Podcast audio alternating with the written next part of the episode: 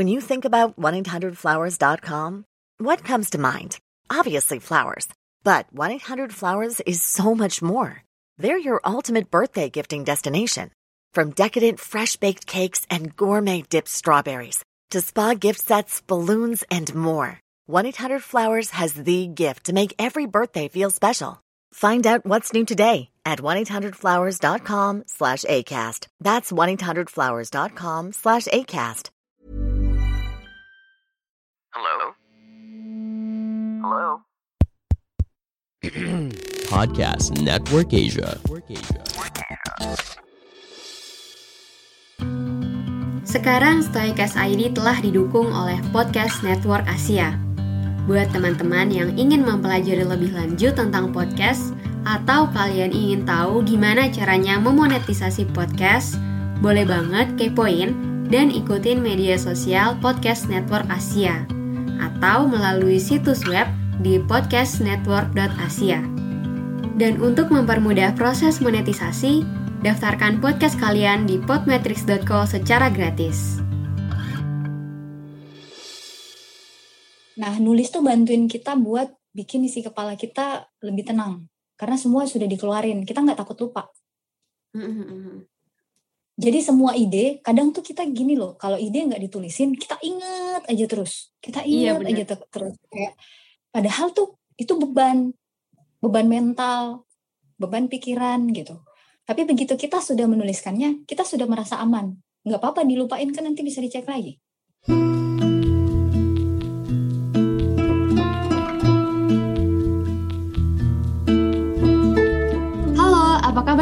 teman-teman? Berjumpa lagi dengan saya Sita Putri di episode terbaru Staycast ID.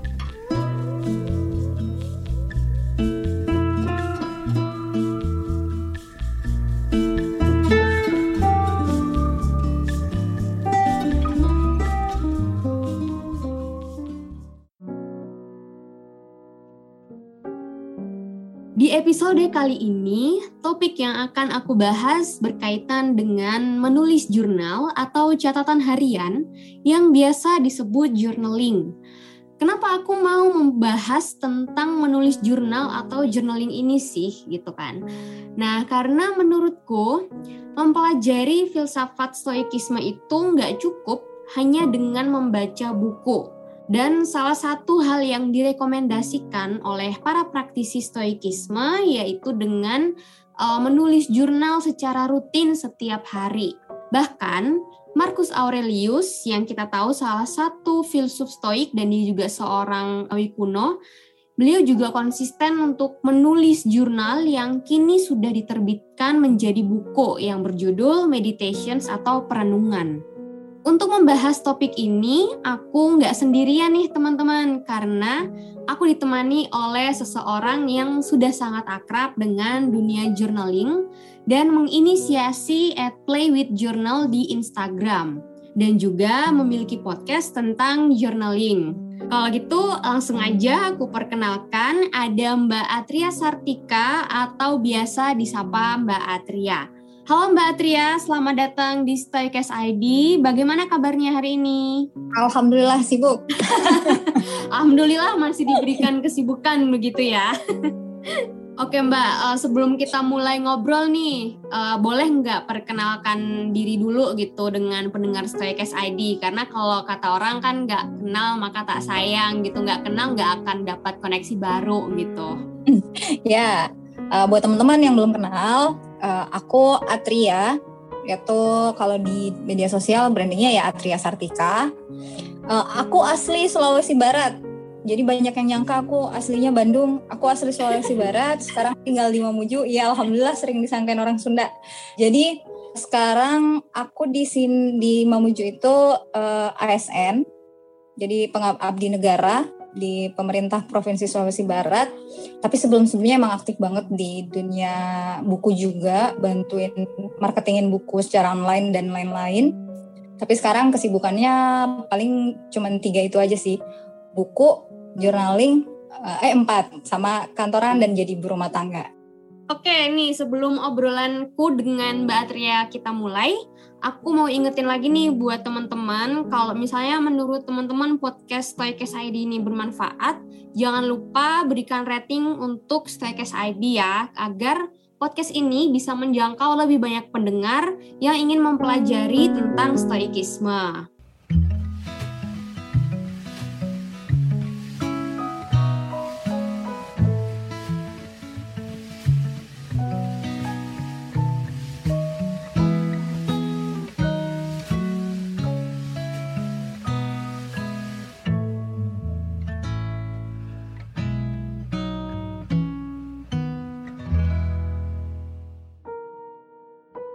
Aku ingin bertanya nih Mbak beberapa hal sih banyak gitu terkait journaling. Karena waktu aku tuh kenal sama Mbak Atria kan pas acara bincang buku ya di akun IG Lingkar Baca gitu.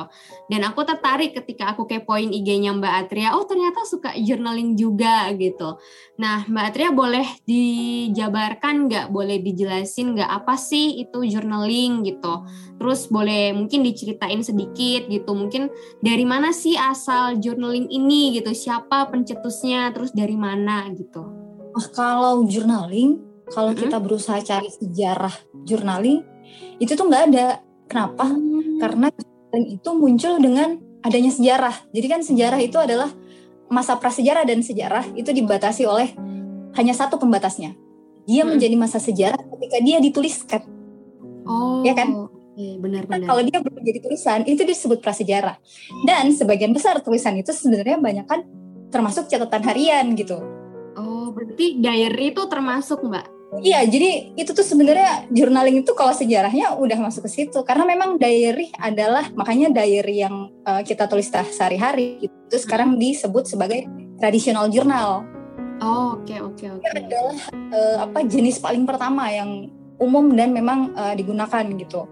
Setelah itu hmm. berkembang berkembang menjadi beragam jenis disesuaikan dengan kebutuhan orangnya gitu. Makanya journaling tuh memang sesuatu yang sangat personal, nggak ada yang sama persis untuk setiap orang gitu. Tapi kalau nanya sejarahnya, aku hmm. sendiri berusaha nyari dan aku nemunya bahwa iya memang penjelasannya adalah dia muncul bersamaan dengan kemunculan uh, zaman sejarah gitu karena sejarah kita dibentuk oleh tulisan-tulisan orang gitu. Dan itu tidak semua tulisan formal, banyak yang berupa catatan harian orang gitu. Jadi kalau kita ngerujuk sejarah itu journaling ternyata sangat tua gitu. Benar-benar karena mengikuti dengan perkembangan zaman ini yaitu ya sejarah yang ada gitu ya di dunia ini. Iya, kan catatan sejarah kita juga banyak berkembang tuh gara-gara banyak ngambil dari jurnal harian pelaut kayak gitu. Iya, Bahkan uh, catatan catatan orang-orang orang gua pun mereka nggak mencatat hal-hal yang tidak di luar mereka alami. Iya, Sedangkan iya. jurnal penekanannya adalah kita nulis sesuatu yang personal yang kita alami. Jadi entah dia ber dia bercampur dengan buah pikiran kita atau sekedar menceritakan mendeskripsikan yang kita alami itu tetap jurnal. Berarti yang dilakukan pada orang zaman batu ya kita sebutnya yang ditulis di gua itu mereka juga termasuk sudah melakukan uh, journaling gitu atau menulis uh, diary gitu istilahnya. Ya, benar. Jadi okay. kalau ditanya berarti kalau kita nulis dia journaling belum tentu tetap harus ada aspek personalnya. Karena oh. kalau kita sekadar buku serius, non fiksi, tapi serius yang penuh dengan data penelitian dan sebagainya, itu bukan jurnal. Oh, oke. Okay, Jadi okay, jurnal okay. penekanannya dia adalah catatan personalnya kita gitu. Oke, okay, oke, okay, paham, okay. paham. Uh, Mbak Atria udah berapa lama sih berkecimpung di dunia journaling ini gitu? Kalau kalau dia ke traditional journal, nulis hmm. diary, hmm. dari SD juga nulis. Cuman ya itu on off, on off, on off. Banyakan offnya malah aku malah beneran aktif di 2016 itu. Pada saat aku hamil anak kedua, waktu itu jaraknya sama anak pertama itu nggak nyampe. Jadi anak pertama aku masih satu setengah tahun, aku udah melahirkan anak kedua.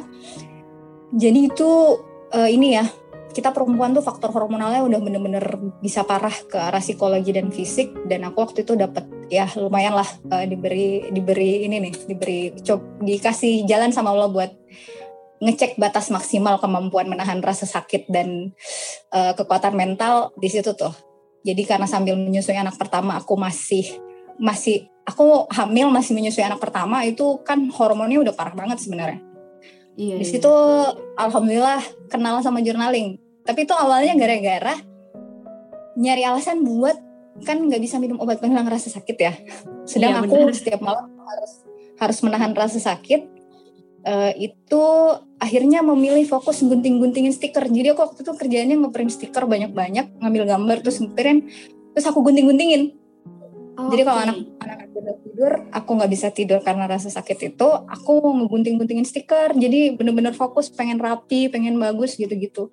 Nah akhirnya diseriusin lah ngejurnal nulis setiap hari kayak gitu. Oh jadi mulai dari rasa sakit itu ya buat gimana ya. caranya ngilangin tanpa harus minum obat penghilang rasa sakit ya, gitu. Iya. Karena aku orang yang selalu yakin bahwa konsentrasi manusia tuh e, bisa bantu buat meng, meng, melupakan atau mengabaikan hal-hal lain di luar dirinya gitu. Iya benar-benar. Oke, okay, tadi uh, aku udah sempat dengar yang Mbak Atria sampaikan kalau uh, ada bedanya gitu antara journaling dengan yang kita menulis fiksi dengan data-data gitu. Nah, uh, pertanyaan berikutnya apa yang membedakan journaling gitu dengan hal yang tadi? Kalau misalnya dibilang uh, ada satu titik uh, itu lebih ke personal gitu, tetapi ada nggak faktor lain Mbak yang lebih dari itu? Nggak ada, karena definisi jurnal itu memang catatan harian personal yang dialami. Hmm. Jadi dia kejadian sehari-hari kita yang kita ceritakan gitu. Dan itulah yang disebut jurnal. Tapi jadi tapi kalau eh ada, ada buku nih, ini disebut jurnal. Bisa jadi itu adalah buku jurnal dia yang dibukukan.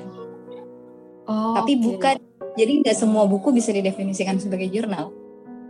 Oke okay, oke. Okay. Kalau kayak oh, studygram itu studygram itu uh, jurn masuk journaling apa enggak? Kalau aku jawabannya enggak.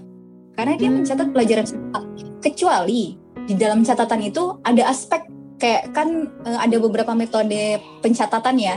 Ada itu juga yang nyaranin bahwa uh, sisi kanan buku disi, uh, disisakan untuk menuliskan isi-isi pikiran kita. Sisi itu yeah. bisa disebut jurnalnya dia. Oh. Itu bisa jadi jurnal jurnal studinya dia. Tapi kalau studygram doang, aku nggak bisa nyebut itu sebagai bagian dari journaling. Oh, gitu. oke okay, oke. Okay. Jadi mungkin kayak catatan samping kayak ini ya Mbak, apa ya istilahnya kayak uh, kamu udah paham belum? Terus kayak apa sih yang bikin aku belum paham mungkin dengan pelajaran ini maka aku tulis di samping. Oh, ya, okay, jadi okay. jadi catatan samping itu yang malah bisa disebut si study journalnya dia karena di situ dia menuliskan isi pikirannya bahwa oh ini tuh berarti begini ya apa perlu aku cari data yang seperti ini seperti ini ya tapi itu isi kepala dia gitu yang mm-hmm. berhubungan dengan apa yang sedang dia pelajarin gitu. tapi kalau sekedar studygram yang membuat uh, rangkuman catatan pelajaran itu nggak masuk uh, journaling gitu. oke okay. kalau misalnya ini mbak uh, review kayak tempat makan gitu yang yang memang ya aku pengen review nih gitu. Entah aku tulis di buku catatanku atau misalnya aku tulis jadi artikel terus aku upload. Nah apakah itu termasuk salah satu uh, journaling? Termasuk. Oke. Okay. karena aspek-aspek subjektif kita ada banget di dalam. Bahkan ada teman-teman yang itu nggak ada bedanya dengan kita bikin uh, apa reading journal loh. Cuman kan mm -hmm. itu book hop cafe hopping jurnal kali gitu judulnya. Oh, Tapi okay, di okay. aku ke mana, tanggal berapa, sama siapa, terus aku pesan apa, harganya berapa, pengalaman aku selama makan gimana, itu udah jadi jurnal. Karena itu aspek personal dia kuat banget di situ. Oh, memang dari pengalamannya sendiri berarti? Iya, penekanannya memang penekanannya selalu di catatan personal bahwa dia pengalaman personal. Mm-hmm. Tapi kalau dia buat ditulis di media, gayanya akan sangat berbeda. Kalau kita nulis di media, kita pasti nggak nulis dong. Kita ke sananya sama siapa, terus iya, atau yeah, yeah. kita kehujanan apa enggak. Bener-bener fokus ke aspek nge-review si uh, kafenya gitu. Tapi kan kalau kita nulis itu di sebuah catatan pribadi kita, pasti bahkan kita mungkin putus sama pacar di situ juga ditulis sekali bahwa ya gue diputus sama pacar gue di situ jam sekian pas lagi rame lagi terus gue nangis gitu itu udah itu udah langsung jadi catatan personalnya dia itu langsung jadi jurnalnya dia gitu oke paham gitu nah tadi juga udah uh, disampaikan sama Mbak Atria ada yang namanya cafe hopping journal gitu. Nah, sebenarnya ada berapa macam sih Mbak yang termasuk dalam apa ya kategori uh, journaling itu gitu? Ada ada berapa sih variasinya? Gak ada batasnya Mbak. hmm. Serius. Serius. Okay. Jadi makanya yang aku yang aku kunci tuh hanya satu, traditional journal. Okay. Itu yang sistemnya yang kita kenal sebagai diary. Ditulis secara rutin, memang sangat disarankannya setiap hari. Itu yang kita kenal. Kemudian yang terkenal sekarang kan uh, bullet journal ya. Bullet yeah. journal itu pun adalah sebuah sistem dan itu sebenarnya sudah dipatenkan. Cuman aku lupa siapa uh, pencetusnya. Uh, itu tuh ada sistemnya gitu. Uh, itu pun baru muncul belakangan gitu.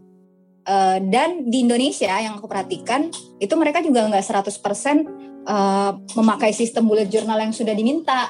Ya berarti uh, bullet journal atau apa pun yang misalnya kita anggap uh, itu dari personal kita, pengalaman pribadi dan bersifat personal, itu bisa aja gitu kita sebut itu sebagai uh, variasi dari jurnal yang kita punya.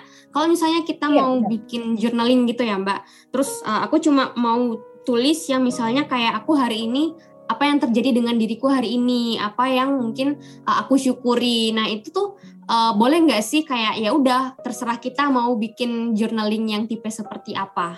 Iya, bebas. Jadi kalau dia syuk, uh, kayak ya intinya dia tema umumnya adalah apa? Jadi kayak tema umumnya mau bersyukur. Ya udah judulnya emang umumnya disebut gratitude journal. Okay. Tapi terserah kita pribadi sih sebenarnya mau nyebutnya gimana. Dan gratitude journal pun itu nggak ada pakemnya gitu.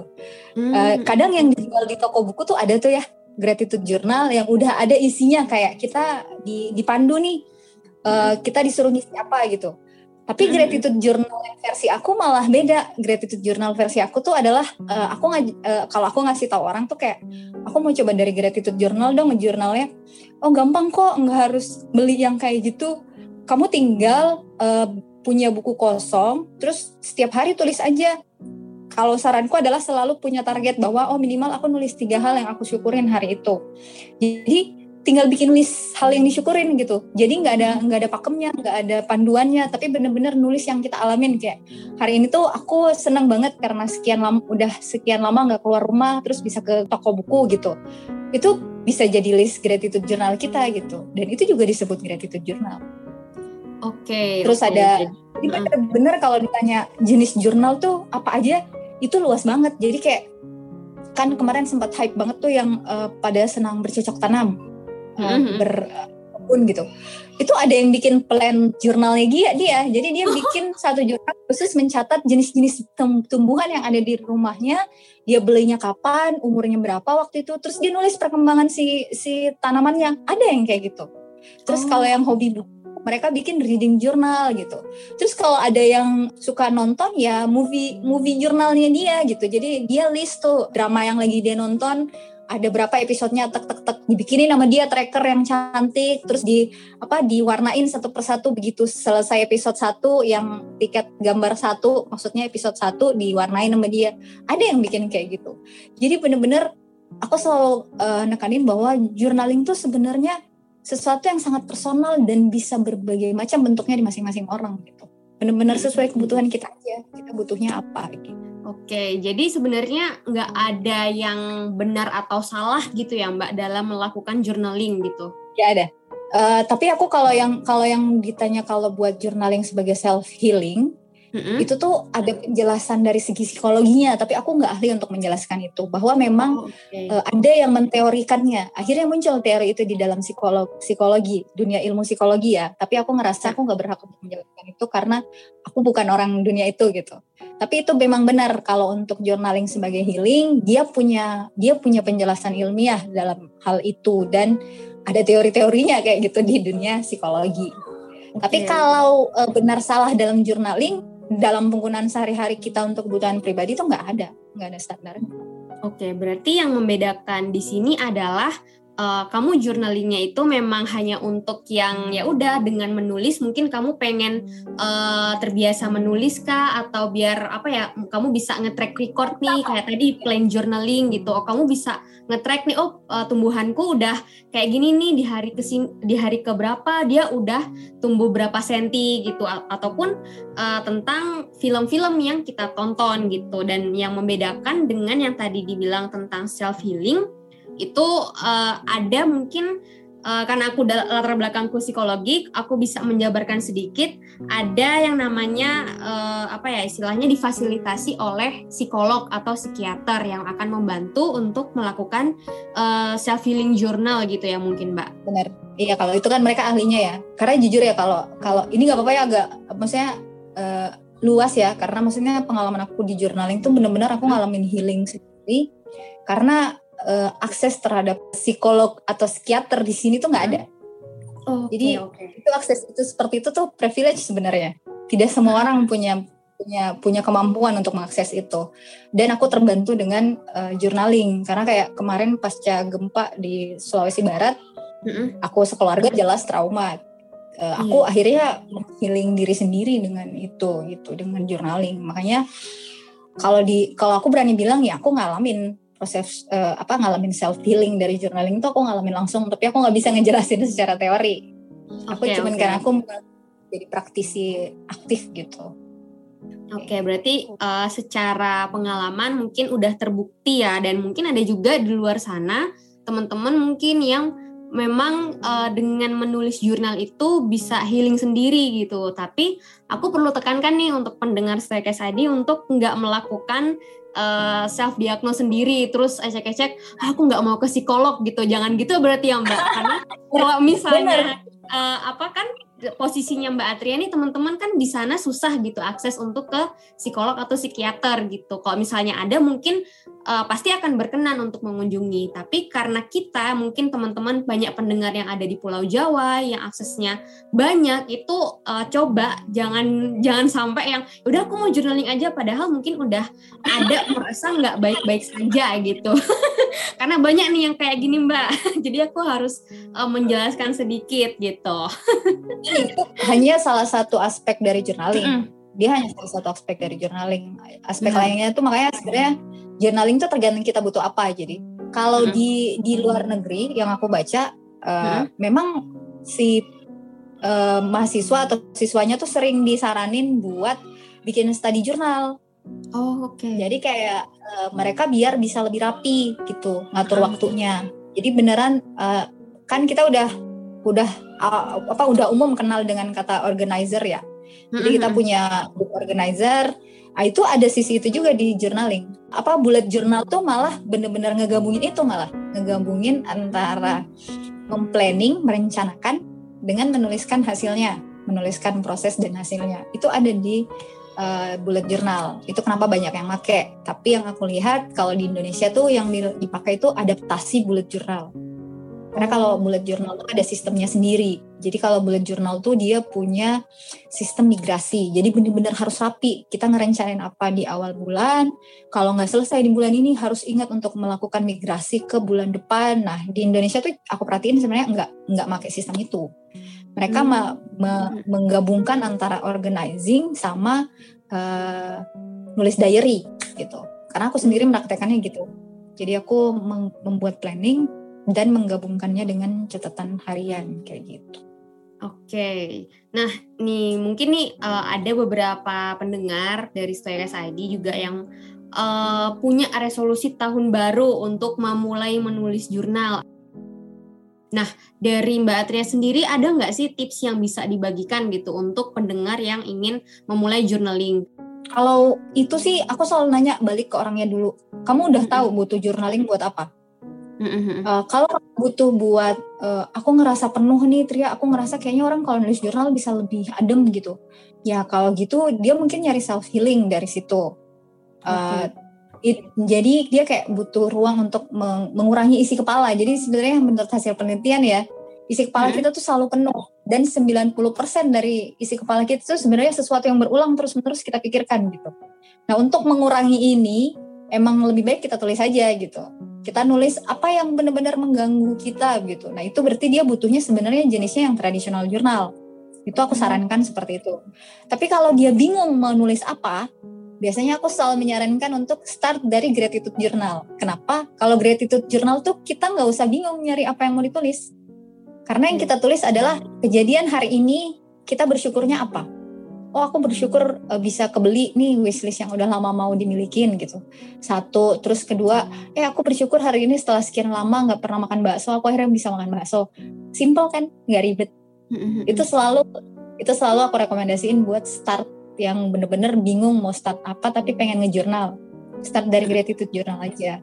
Tapi kalau dia ngerasa aku butuh buat manajemen waktu, ah kalau butuh buat manajemen waktu, nah boleh tuh uh, mengadaptasi bullet journal. Uh, oh. Jadi mulai dengan bikin uh, monthly plannernya dia, bulanan kita punya nih biasain buat nge-planning sebulan ke depan aku punya jadwal apa aja. Terus selama bulannya berjalan ditambahin, dibikin monthly uh, weekly-nya lagi weekly-nya di di breakdown lagi nih yang dari gede oh bulan ini tuh aku harus menyelesaikan uh, satu tugas kampus gitu. Dikasih hmm. satu bulan. Nah weekly-nya tuh di breakdown. Uh, minggu pertama aku cari data dulu gitu. Habis di weekly itu bener-bener breakdown kayak hari ini nyari data tentang apa gitu-gitu nah itu buat yang butuh manajemen waktu. Jadi makanya journaling tuh enaknya adalah karena kita bisa milih sesuai dengan kebutuhan kita. Terus kalau udah bilang aku butuh semuanya ya udahlah lo bikin bullet journal yang diadaptasi gabungin nama traditional journal. Jadi satu buku dan biasanya aku nyaranin buat start dari buku yang tipis. Mm-hmm. Nah itu bikin bulanan aja. Jadi satu buku tipis itu untuk satu bulan. Kalau memang uh, kegiatan kita padat. Kalau nggak padat bisa aja tuh buku tipis bisa buat dua bulan. Jadi di awal bikin bulanannya, mingguannya, terus nanti di belakang ada catatan-catatan hariannya kayak gitu. Oke. nah itu diadaptasi aja. Nggak ada, makanya aku bilang nggak ada pakem. Bener-bener sesuai aja sama kebutuhan kita. Gitu. Kalau itu aku banyak dapet ini sih, dapet tanggapan dari teman-teman yang tiap kali nanya ke aku, mulai dari mana Tria? Aku selalu nyaranin buat gratitude journal. Itu tuh gratitude journal tuh memaksa kita untuk membiasakan diri bersyukur. Okay. Jadi kalau kita, kan ada tuh titik di mana kita merasa hari ini tuh buruk banget gue kok kayaknya sial yeah. banget hari ini gue nggak ini tapi karena setiap ah, di akhir hari kita selalu memaksa diri untuk mencari satu hal yang disyukurin.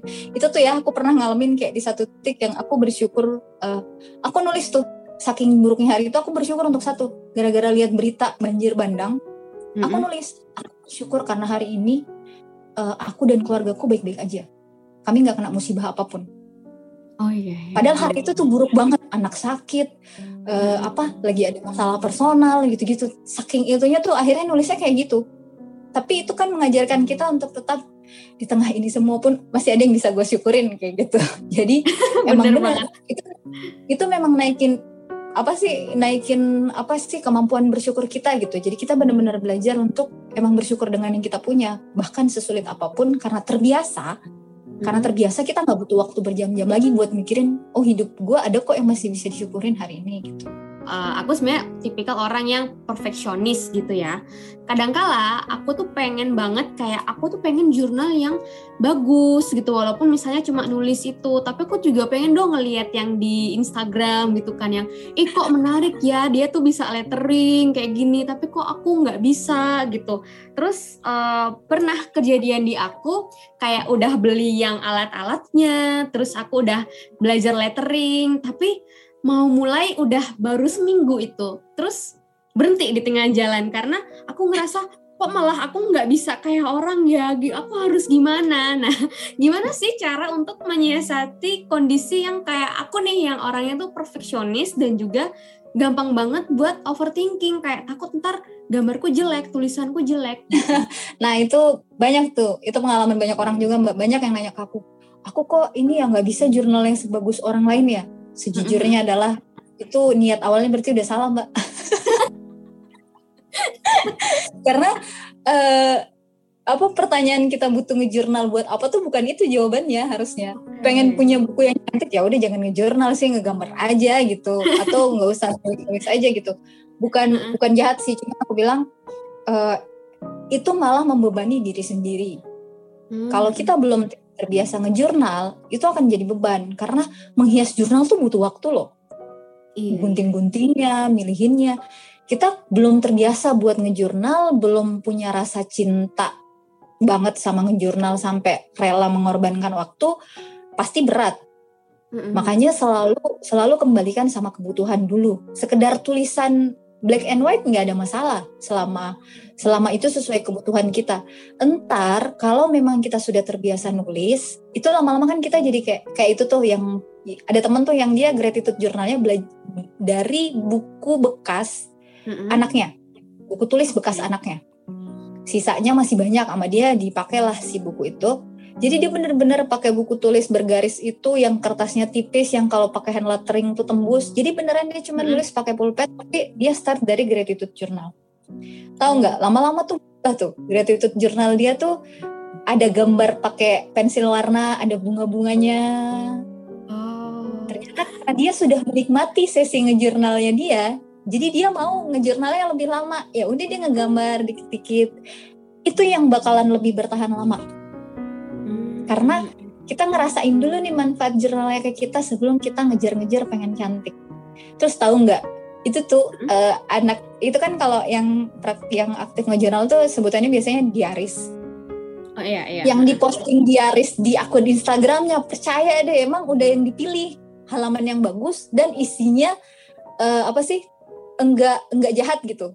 Enggak jahat. Aku nyebutnya enggak jahat karena aku nyampah nyampah otak terus uh, kalau kesel sama orang tuh nyampahnya di di jurnal. Jadi kalau emang dia bakalan kelihatan banget aku lagi ngata-ngatain orang di halaman itu nggak akan foto. Yang aku foto mah yang aman-aman aja.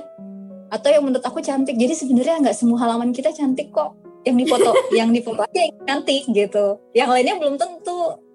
Jadi jangan ngejar cantiknya gitu Terus kalau itu yang dan memang yang agak mengganggu adalah ngejurnal tuh kan bikin orang kayak aku pengen manajemen waktu. Nah bahayanya tuh kalau dia tuh perfeksionis, dia bikin hmm. banyak target sekaligus dalam uh, satu bulan gitu. Hmm. Padahal sebenarnya nggak make sense juga sebenarnya. Nah itu itu juga manfaatnya ngejurnal. Oke, okay, kamu pertama ngejurnal, kamu start. Aku pengen uh, nyelesain bu naskah buku yang uh, aku belum selesai selesai gitu dia nulis tuh bahwa sebulan ini naskah itu harus selesai. Terus habis itu yang kedua eh aku mau lancar bahasa Korea gitu. Mm-hmm. padahal sebenarnya nggak make sense buat nyelesain itu semua satu bulan gitu. Okay. itu pasti bikin stres. Tapi itulah manfaat journaling. Kenapa? Tulis aja dulu mau banyak bolongnya mau banyak eh, nggak uh, perfectnya nggak apa-apa. Akhir bulan kita evaluasi. Oh aku tuh cuman sempet tulis cuman malam doang nih tiap hari Jumat. Ya udah berarti coba tuh bulan depan dibuat aja nulis cuman seminggu se sepekan dua kali. Terus ngecek hmm. lagi wah aku belajar bahasa Koreanya emang cuman bisa di, di kursus doang nih pas jadwal kursus.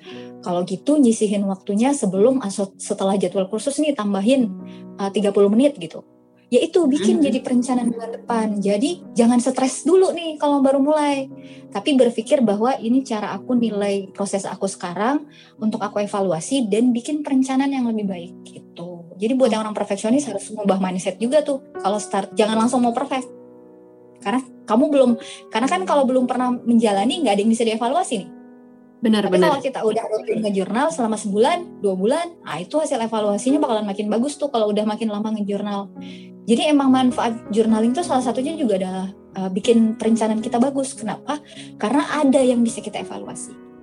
Aku juga pengen tanya nih ke Mbak Altria gitu kan, karena kan kita, uh, aku nih pribadi secara sekitar setahun dua tahun itu belajar filsafat stoikisme ya khususnya. Kalau aku ya karena aku nganggep kayak kan bukannya stoik, uh, stoikisme tuh ngajarin kita juga buat mindful ya.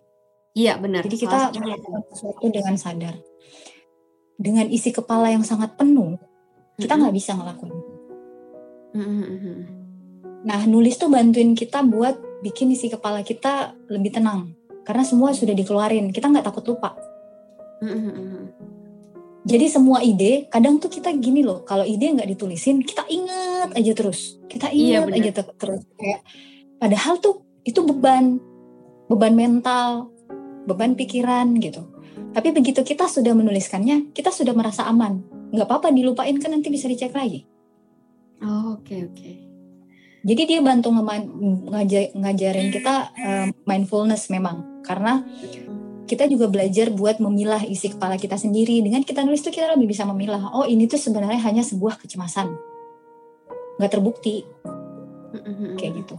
Kayak uh, dan itu sih emang kayak journaling tuh banyak juga ngajak, ngajarin kita buat kenal diri kita sendiri gitu makanya kalau kalau ditanya benar salah dalam jurnal tuh mungkin yang yang yang jadi kunci juga adalah uh, kita belajar jujur kalau nulis kan itu buat diri kita sendiri bukan buat dibaca hmm. orang lain jadi kalau kita jujur kita berani nulis hal yang kita sadarin kayak aku tuh sebenarnya nggak percaya diri nulis kayak gitu. Aku nggak percaya diri nulis. Padahal kan kesannya kita selalu menampilkan bahwa aku aku senang nulis aku percaya diri nulis. Tapi kita sadar nih dalam diri kita sendiri kita ngerasa aku tuh nggak percaya diri nulis kenapa sih kalau aku nulis gini gini gini gini gini gini gini gini?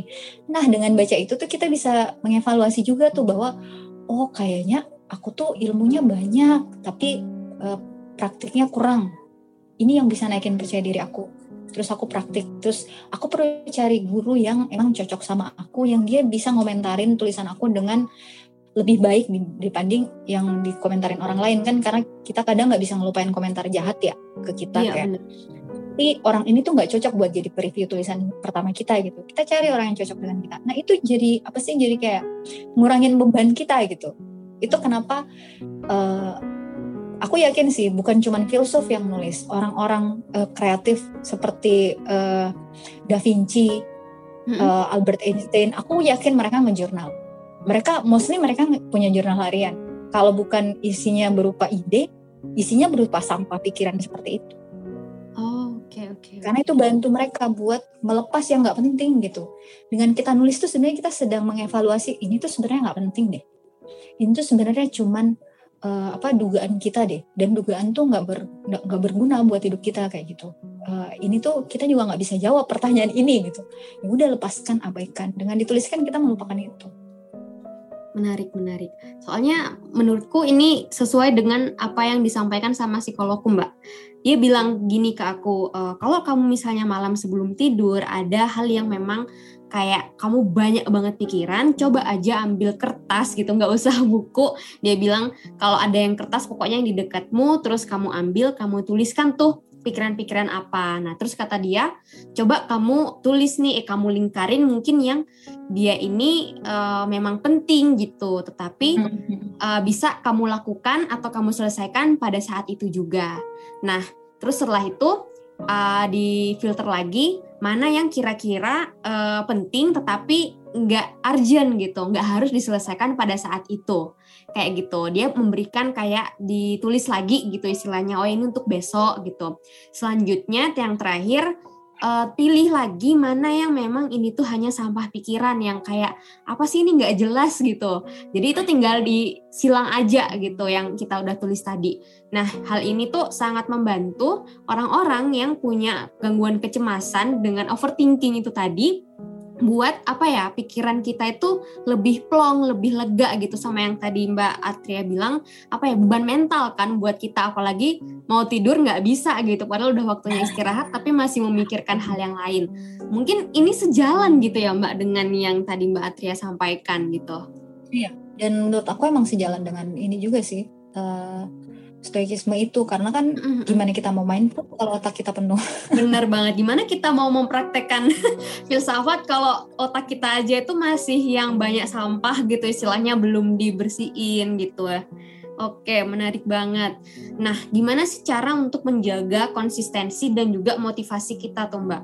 Biar apa ya, kita itu uh, enggak yang tiba-tiba, aduh, enggak termotivasi lagi, aduh, tuh, aku tuh males, nggak ada waktu lagi, gitu tuh gimana? Uh, paling pertama tuh selalu kembali dengan tujuan. Selama tujuannya jelas, hmm. konsistensi insya Allah bisa terjaga. Terus hmm. ingat aja sih bahwa ini tuh bukan lari sprint, ini tuh maraton. Jadi jaga jaga ini aja, jaga stamina. Jadi nggak usah maksain diri nulis banyak-banyak. Kalau emang kita hari itu nggak punya waktu banyak buat nulis, ya hmm. ya udah nggak usah dipaksain kalau malah jadi beban. Ya kalau sekedar nulis, jadi gini, enaknya tuh karena otak kita tuh hebat banget gitu. Kita nulis tanggal doang ya, nulis tanggal hmm. doang hari ini, bulan ini, terus kita cuma tulis kata kunci. Uh, kucing aku sakit. Hmm. Dengan kita nulis itu doang, kita bisa ingat kembali itu semua kejadiannya dengan sangat jelas. Oke. Okay. Jadi kalau kita punya tradisional jurnal, tapi kita nggak sempat nulis panjang-panjang, simpan aja catatan itu di catatan. Makanya aku tadi nyaranin kalau mau ini digabungin aja sama tipe planner. Simpan aja tuh satu satu kalimat itu di planner kita di tanggal tersebut. Nanti kalau kita punya waktu, baru kita mau menuliskan panjang karena kita butuh bercerita, karena karena kita butuh untuk menghilangkan apa ya rasa takut melupakan kucing kita yang udah udah tiada itu dengan menuliskan ya nanti aja biar pada saat kita punya waktu nggak usah dipaksain kalau emang kita lagi banyak nggak uh, punya waktu sama sekali nulis panjang. Tapi aku yakin banyak orang juga yang kadang di titik tertentu dia butuh untuk nulis panjang. Mm -mm. nah silahkan pada saat itu nulislah sepanjang yang anda butuhkan. Jadi nggak ada nggak ada pakem kita harus nulis sepanjang apa dan sebagainya. Jadi manfaatkan aja itu bahwa lebih baik nulis setiap hari tapi dikit-dikit daripada memaksakan diri nulis panjang-panjang setiap hari jadi intinya sih kalau mau tetap konsisten tuh stamina aja dijaga. Dan kuncinya sebenarnya apa? Nggak apa-apa istirahat tapi jangan berhenti. Jadi kayak seminggu kemarin aku padat tidur aja susah nggak punya waktu. Ya udah nggak apa-apa nggak usah nulis. Tapi jangan berhenti. Begitu punya waktu cepet-cepet balik nulis lagi di jurnalnya. Nah, pertanyaan terakhir nih sebelum aku uh, menutup obrolan kita yang aku pengen tanya, uh, gini Mbak, kan kadang nih kalau kita nulis ada keinginan untuk kita mempublish tulisan itu gitu. Tapi ada juga yang ya udah aku nulis buat diriku sendiri. Nah beberapa orang mungkin ada yang merasa kayak pengen nih aku pengen mau publish dong tulisanku ini tapi aku jadi nggak yang pede gitu. Terus akhirnya mungkin ini membuat dia akhirnya nggak nggak melanjutkan menulis gitu menulis jurnalnya itu ya. Karena menurut dia ah ntar aku tulisanku tuh dibaca orang ntar orang bilang itu jelek. Nah pikiran-pikiran yang orang bilang tulisanku nanti itu jelek terus ntar tulisanku kayak nggak nyambung. Nah hal ini gimana gitu untuk membuat kita tuh tetap pede gitu dengan tulisan kita walaupun uh, meskipun kita nggak yang mempublish ataupun mau kita publish tulisan itu gitu. Jadi kayak gimana ya? Uh, kita nggak akan merasa terbebani dengan komentar orang kalau kita masih mau membebani diri dengan komentar orang itu berarti bukan hmm. jurnal pribadi kita Okay. Jadi ngejurnal itu kan kita nulis buat diri kita sendiri tentang diri kita gitu. Jadi hmm. sebenarnya kita nggak usah musingin pendapat orang. Hmm. Dan kalau memang uh, jangan jadikan patokan nge-share jurnal kita dengan uh, semangat kita ngejurnal. Karena itu oh. murni harus kita sendiri yang punya semangat karena kita yang butuh. Makanya aku bilang start journaling dengan tahu kebutuhan kita itu udah kunci paling utama sih. Kalau kebutuhan kita terpenuhi ya nggak apa-apa nggak terposting. Karena banyak kok aku tahu orang yang ngejurnal tapi mereka nggak rajin ngepost. Aku sendiri juga sebenarnya cuman karena teman-teman sekitar aku pada tahu aku konsisten ngejurnal udah selama sekian tahun mm-hmm. uh, tapi kalau lihat postingan di Instagram aku nggak seaktif itu kok aku nge-share-nya. Tapi kalau ada momen aku nge nge-share di IGS halaman-halaman jurnal aku yang terisi itu tetap diisi kok setiap hari gitu. Jadi jangan jangan menjadikan uh, hal di luar kita diri kita tuh sebagai penyemangat buat kita ngejurnal. Iya, iya, kalau kita udah berhasil merasakan manfaat ngejurnal hmm. tujuan kita ngejurnal terpenuhi berarti nggak kita nggak punya alasan buat berhenti ngejurnal itu sih. Jadi kalau kita berpikir berhenti bisa jadi ada yang salah dari proses awalnya. Tentang kenapa kita ngejurnalnya atau mungkin kita perlu mengganti jenis jurnalnya. Karena mungkin belum sesuai dengan tujuan kita ngejurnal gitu. Tapi jangan uh, mengukur dari uh, apa yang dilihat orang lain gitu. Kalau nggak pede ya emang nggak perlu gitu. Nggak perlu di share karena nggak ada kewajiban kita nge-share media di media sosial. Cuman memang benar aku pribadi ngerasain. Kadang aku lebih ngerasa jadi lebih semangat ngejurnal kalau udah ngepost uh, halaman jurnal aku dan ada yang bilang ih jurnalnya lucu ya halamannya uh, apa ya cantik ya halaman jurnalnya. Emang naikin semangat tapi bukan itu kok penyemangat utama gitu. Okay. kitanya lagi sih harus kembali ke diri kitanya aja. Menarik nih kadang karena pengen dipuji gitu ya jadi kita pengen ngerasa mau dipublish dong gitu Padahal itu sebenarnya jurnal itu juga itu hal pribadi banget loh. Bahkan iya. ada, oh ya ada aku dia nggak berani ngejurnal karena punya pengalaman buruk buku jurnalnya dibaca orang lain gitu. Oh. Terus dia bilang aku jadi takut tulis hal-hal yang jahat atau kan hmm. kadang kita butuh tuh buat karena kita ada ada masanya kita kalau sakit hati sama orang kita nggak punya peluang untuk menyampaikan rasa sakit hati itu kan. Iya. Dan itu kalau kita sendiri kan racun ya ke diri kita. Iya Nah itu kan obatnya sebenarnya salah satunya adalah nulis di jurnal. Tapi banyak orang eh, takut buat nulis jujur di jurnalnya karena itu takut dibaca orang lain.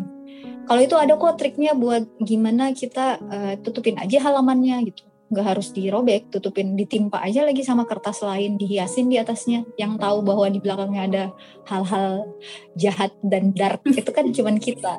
Jadi orang lain nggak tahu. Tapi kan tujuan kita ngejurnal selesai karena maksudnya eh, tujuan itu terpenuhi karena aku berhasil ngeluarin racun di, di di kepala aku dengan ngejurnal. Perkara orang lain tahu atau enggak kan nggak penting. Yang aku bilang, jurnal aku emang bahaya sih kalau jatuh ke tangan orang lain. Mereka jadi tahu ya ampun, ternyata dia bisa ya ngata-ngatain orang gitu kan. Aku nggak pernah ngata-ngatain orang di depan umum. Tapi kan di jurnal aku mereka nggak tahu aku nulis apa. Bener banget dan setidaknya dengan apa ya eh, kita nulis unek-unek kita gitu ya Mbak itu kan nggak yang apa istilahnya merugikan orang lain gitu karena yang tahu cuma kita dan buku jurnal kita itu gitu. Nah, iya, jadi makanya nggak perlu nggak perlu ngerasa harus ngeposting karena memang sebenarnya jurnal itu sangat personal kok. Bahkan memang ada beberapa teman yang ngomong itu ngapain sih halaman jurnalnya diposting? Gue mau ketawa kan maksudnya ya memang ada masanya kita butuh disemangatin sama orang lain, tapi itu kan nggak Mm-mm. terus menerus. Aku juga bahagia sih. Ada yang bilang, ih halaman jurnal aku lucu. Ya emang memberi semangat dan memberi rasa percaya diri lebih lagi gitu. Mm-mm. Tapi bukan itu yang utama itu sih.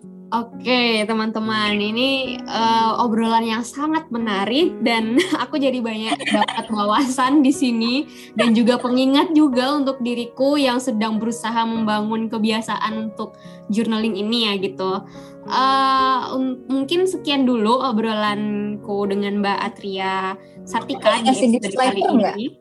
Ya gimana? aku mau tanya disclaimer nggak bahwa Iya, aku boleh. bukan aku bukan orang expert dengan ilmu Hmm. yang paham banget tentang jurnal. Oke. Aku benar. adalah orang aku adalah praktisi konsisten gitu. Hmm. Aku bisa ngejelasin karena aku konsisten ngejalaninnya dan itu yang aku alamin selama ini dan alhamdulillah juga banyak teman-teman yang begitu apa belajar ngejurnal di aku banyak yang memang nyampein kayak oh iya kak aku jadi kenal diri sendiri nih aku jadi lebih percaya diri aku tahu kekurangan aku aku tahu ini dan itu yang aku sampaikan ke teman-teman jadi aku bukan aku bukan psikolog jadi aku nggak bisa ngejelasin secara lebih tentang uh, sisi psikologinya seperti apa tapi itulah yang uh, aku alamin dan aku praktekkan bersama teman-teman aku gitu Oke gitu ya teman-teman. Jadi eh, kalau misalnya teman-teman menganggap kita ini expert, terutama aku juga, dan itu enggak karena kita masih sama-sama belajar di sini. belajar gitu ya. Semoga obrolan kami ini membuat teman-teman tuh mendapatkan wawasan baru gitu yang bermanfaat untuk diterapkan di kehidupan sehari-hari.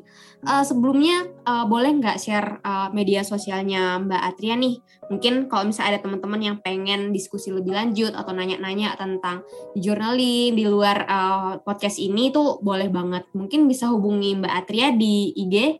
eh, namanya apa Mbak username-nya? Instagram @atria sartika aku aktif Mm-mm. banget di situ Uh, sejauh ini sekarang hanya tinggal itu sih media sosial aktif Oke, kalau gitu. Terima kasih Mbak Atria sudah bersedia hadir di Stoikas ID. Semoga sehat selalu dan kita bisa ngobrol-ngobrol lagi dengan topik menarik lainnya. Terima kasih juga ya udah diundang dikasih kesempatan sharing Iya, terima kasih Mbak. Sama-sama Mbak. Pokoknya aku uh, senang banget kita bisa ngobrol di sini. Dan buat teman-teman juga terima kasih yang udah mendengarkan episode kali ini hingga selesai. Dan jangan lupa untuk berikan rating bagi Stoikas ID ya, biar podcast ini tuh bisa menjangkau lebih banyak pendengar yang ingin mempelajari tentang stoikisme. Saya Sita Putri dan saya Atria Sartika pamit sampai jumpa di episode berikutnya. Bye.